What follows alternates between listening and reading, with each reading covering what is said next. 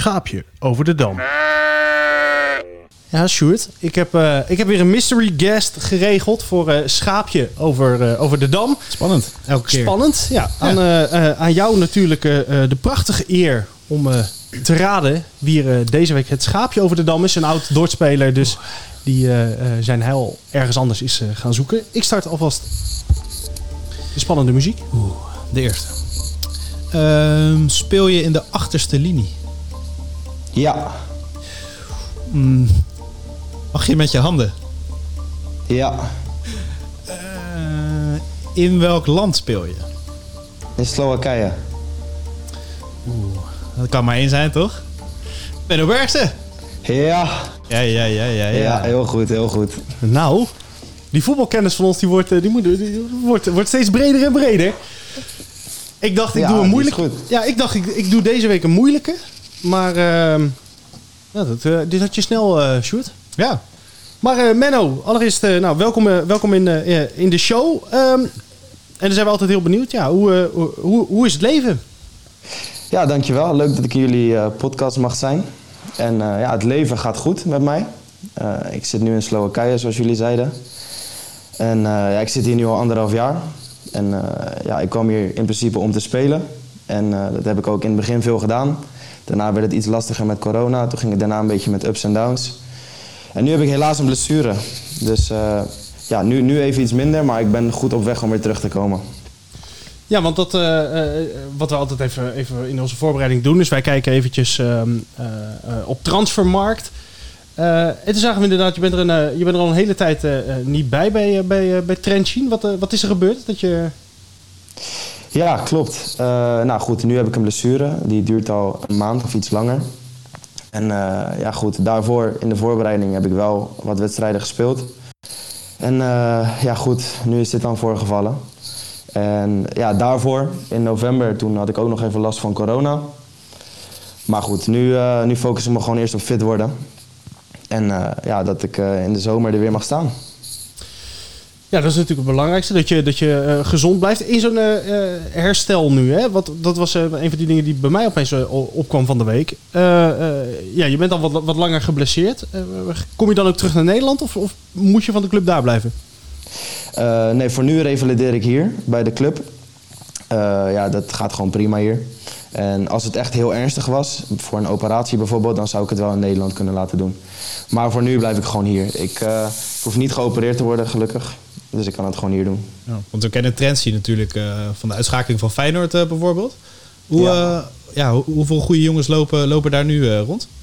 Nou, we hebben echt best wel een goed team. We hebben ook echt wel een leuk team. Er zitten nog meer Nederlandse spelers. En eh, ja, we zitten nu ook bij de eerste zes. Want vanaf de winter worden hier de, de, de competitie wordt hier doormidden gesplitst. Ja, ik zag De een play-off, zes eh, play-off En de onderste zes, juist. Ja. En eh, wij zitten bij de bovenste zes, dus dat is in principe goed. Ja, want ik zat even snel te kijken. Eh, eh, je speelt er onder andere met eh, Ruben Ligion en eh, Ashraf Al- Al-Madioui. Eh, is dat dan ook echt zo'n zo'n Nederlands kliekje binnen de selectie? Ja, best wel ja. Ja, we spelen ook, eh, ja, we, zitten ook, we wonen ook bij elkaar in het gebouw. Dus eh, ja, ook buiten het veld gaan we wel met elkaar om. Beetje FIFA of zo? Of wat, wat moet ik me voorstellen? Ja, FIFA, van alles, een beetje voetbal kijken. Ja, het is altijd wel gezellig. En, en kun je in, eh, in, in Slowakije nog een beetje uit? Eh, nou, nu niet. En eigenlijk vanaf het moment dat ik kwam al niet, want eh, ja, door corona is alles gewoon gesloten. Dus, eh, nou, en verder, Trentin is niet een hele grote stad of zo. Dus ik ben hier niet voor het uitgaan, maar voor het voetbal.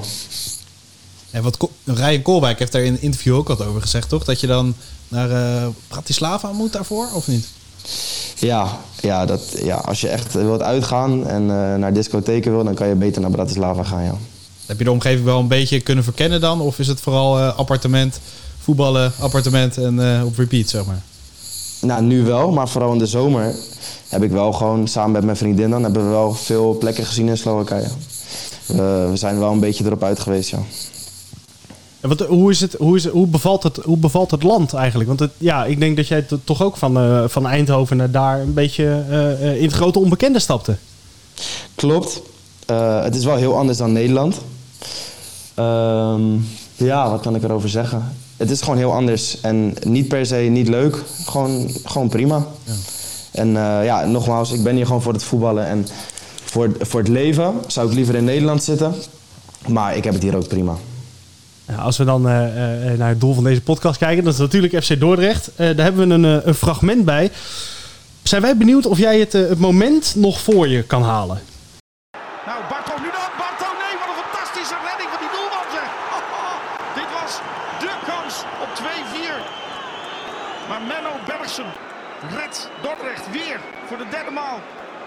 Dit is een heerlijke reactie van die doelman hoor. Jongen, jongen, jongen. Ja, tuurlijk. Dat was mijn debuut. Ja, en wat voor een? Ja, dat, eh, dat was echt top was dat. Ja, want jij mocht je debuut maken bij eh, eh, het, het Wonder van Leeuwarden. Ik weet nog dat ik die wedstrijd zat te kijken. En ik heb daar dan, dan twee anekdotes uit. Eh, eentje was dat in het begin van de wedstrijd de commentator van dienst zei... Ja, die keeper van Dordrecht, daar ken ik niet zoveel van. En die andere is eh, dat ik op een gegeven moment dacht... Ik ga even naar beneden even wat te drinken pakken. Ik kwam terug en het stond 1-4. Ja, ja het, was, eh, het was echt een hele onverwachte avond inderdaad. Voor mijzelf ook, want ik wist van tevoren nog niet dat ik zou gaan spelen.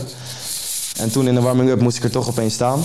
En ja, wat je zegt, niemand kende mij ook. De commentator kende me niet, want ik speelde gewoon eerst in de jeugd bij Dordrecht. En ik zat wel eens op de bank bij het eerste. Maar vanaf mijn debuut is het eigenlijk een beetje begonnen.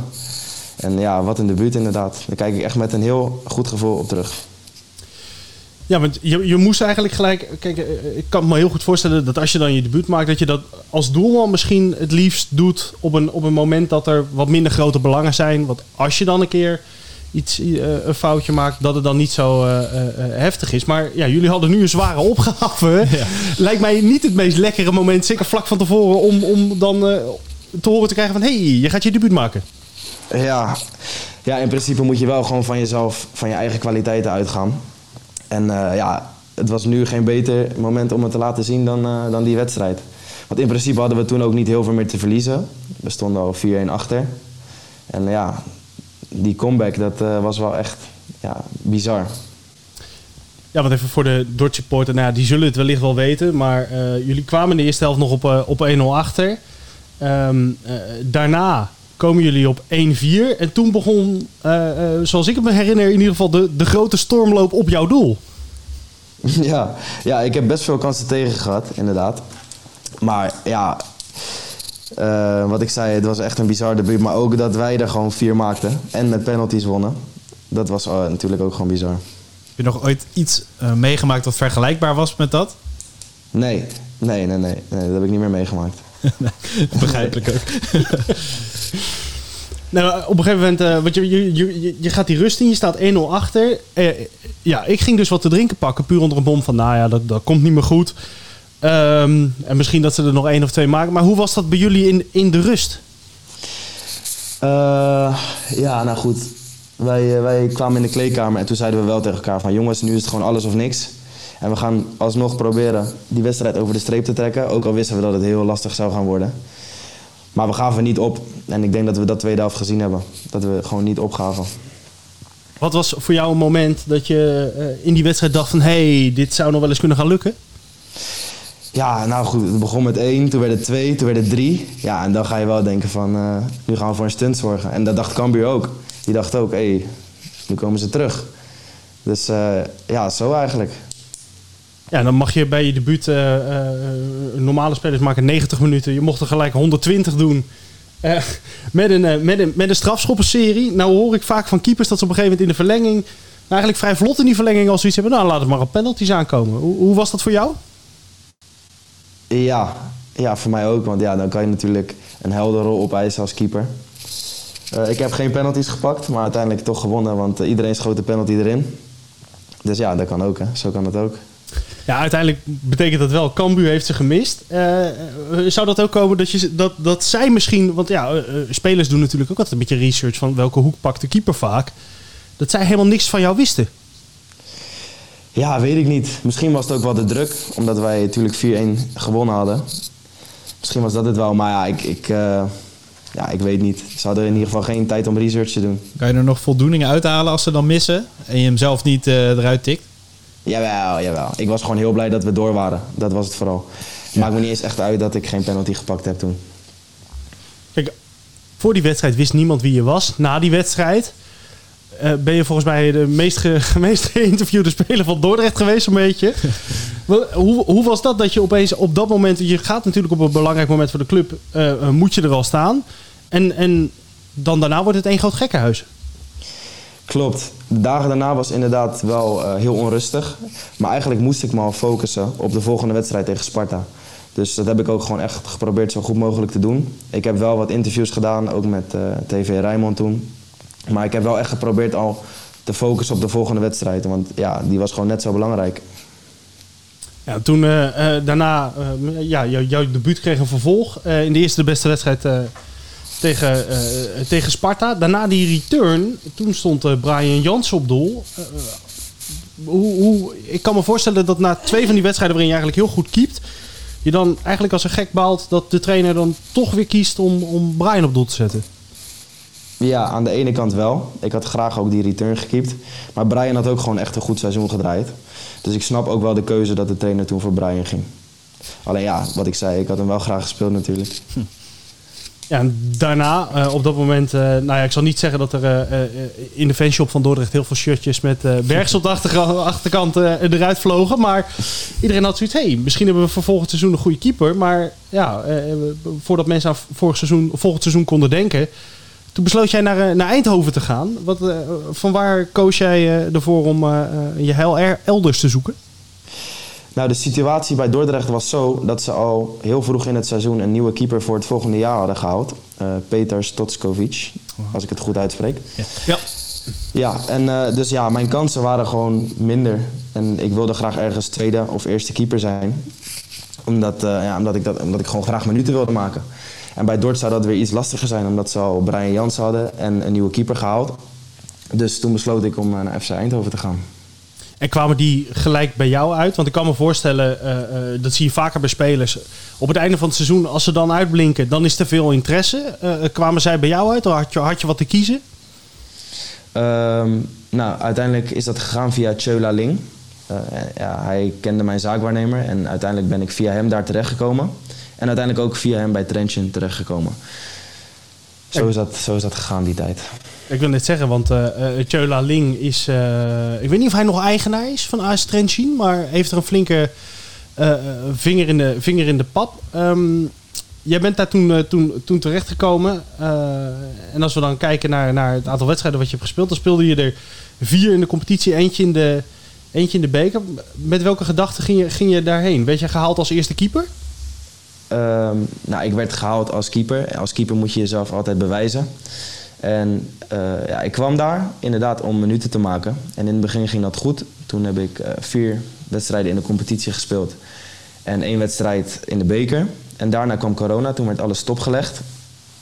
En eh, ja, goed, daarna heb ik niet gespeeld door de keuze van de trainer. Toen koos de trainer voor een meer ervaren keeper. En toen kwam er daarna een nieuwe trainer, een Belgische trainer, Stijn Vreven. Is ook trainer van NAC. En toen heb ik weer kansen gekregen. Toen heb ik er nog vier gespeeld in de competitie. En eh, ja, goed, daarna maakte de trainer weer een andere keuze. eh, voor een andere ervaren keeper. Die speelt hier al heel lang. En eh, nou goed, nu is het nog niet gelukt om mezelf terug te vechten. En daarna kreeg ik ook corona en de blessure. Maar ik moet zeggen, ik heb wel echt heel veel geleerd hier. Als voetballer, maar ook echt als mens. Ik ben heel zelfstandig geworden en ik denk dat het zeker goed is geweest voor mijn carrière dat ik hier ben geweest. Ik heb ook echt een hele goede keeperstrainer, waar ik eh, elke dag keihard mee werk. Dus eh, ja, ik, eh, ik kijk er wel met een goed gevoel naar. Nou, als we dan nog heel even teruggaan naar je, naar je Dortperiode. Ehm eh, zijn, er nog, zijn er nog jongens die jij van, van, van toen spreekt? Eh, nou, niet elke dag, maar we hebben elkaar allemaal op Instagram. En als we elkaar tegenkomen is het goed. Ik ben bijvoorbeeld Amervoor nog wel een paar keer tegengekomen. En ja, je spreekt jongens af en toe hier en daar, maar niet echt vast contact. Nee, maar ik kan me heel goed voorstellen dat ik normaal in een team, eh, eh, ja, dan heb je wel een beetje een band. Maar na zo'n wedstrijd in, in Leeuwarden, wat, ja, de- ik kan me heel goed voorstellen dat je dan een soort extra band creëert met elkaar. Misschien ook door het feestje na afloop, inderdaad. Ja, het was wel echt een hele leuke groep. Het was echt ook een heel leuk jaar en ik kijk ook echt met een leuk gevoel op terug. Eh, ja, we hadden allemaal een band en dat zag je denk ik ook op het veld. Ja, en dan eh, is het nu t- Trentin. Eh, wij kijken altijd even verder naar voren. Zoals je misschien weet, bij Dort eh, gelukkig niet meer laatste, maar gaat niet op best. Zien we jou ooit nog terugkeren? Ja, misschien wel. Ik sluit helemaal niks uit. We zien het wel. Ik hou nu gewoon allemaal opties open en we zien het wel in de toekomst. Maar je weet nooit. Schaapje over de dam.